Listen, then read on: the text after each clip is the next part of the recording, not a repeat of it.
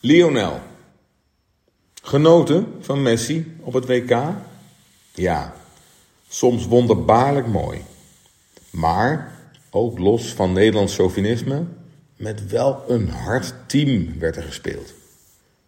Coach Lionel Scaloni arrangeerde naar verluid een team discipelen rondom de sterspeler Messi. Is dat nou het juiste om te doen?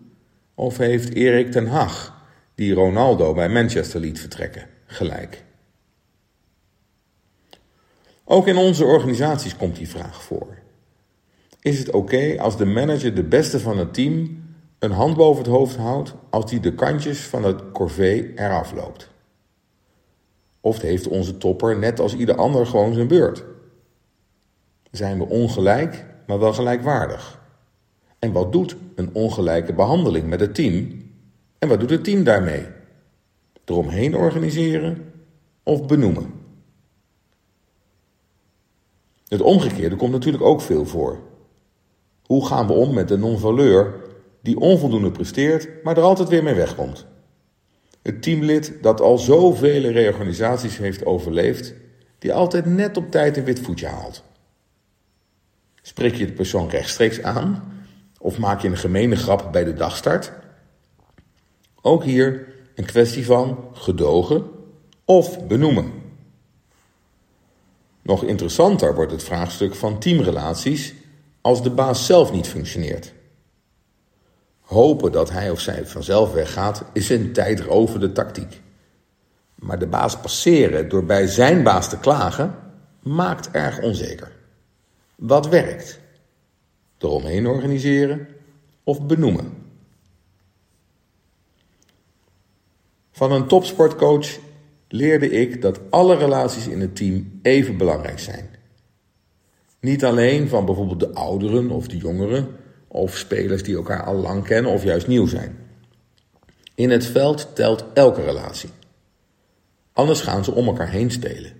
En dat is een probleem dat je bij 5-0 voorsprong niet ziet, maar bij achterstand meteen een probleem wordt.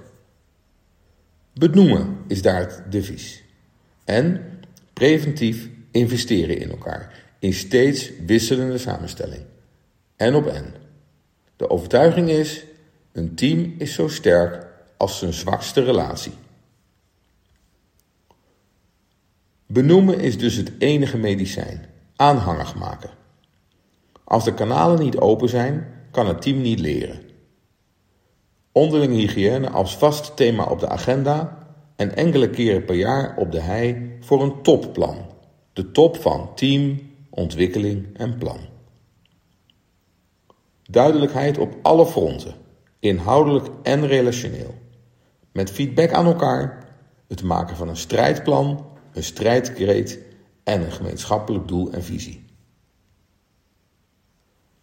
Ik ga ervan uit dat wij allemaal werken op een plek waar je carrière maakt door dingen goed te doen en niet door geen fouten te maken. Een vorm van topsport dus, waarbij de opstelling van het team, inclusief de coach, een normaal onderwerp op de agenda kan zijn. Natuurlijk was Lionel Messi gezichtsbepalend. Maar zonder coach Lionel Scaloni was Argentinië geen wereldkampioen. Hij heeft alle relaties bespreekbaar gemaakt, inclusief zichzelf. Hij formuleerde een duidelijke opdracht en formeerde een dedicated team. Het was een harde opdracht, dat dan weer wel, met nadelen voor het voetbal in zijn algemeenheid en voor ons Oranje in het bijzonder. Maar aan de teamprestatie van Lionel valt niets af te dingen.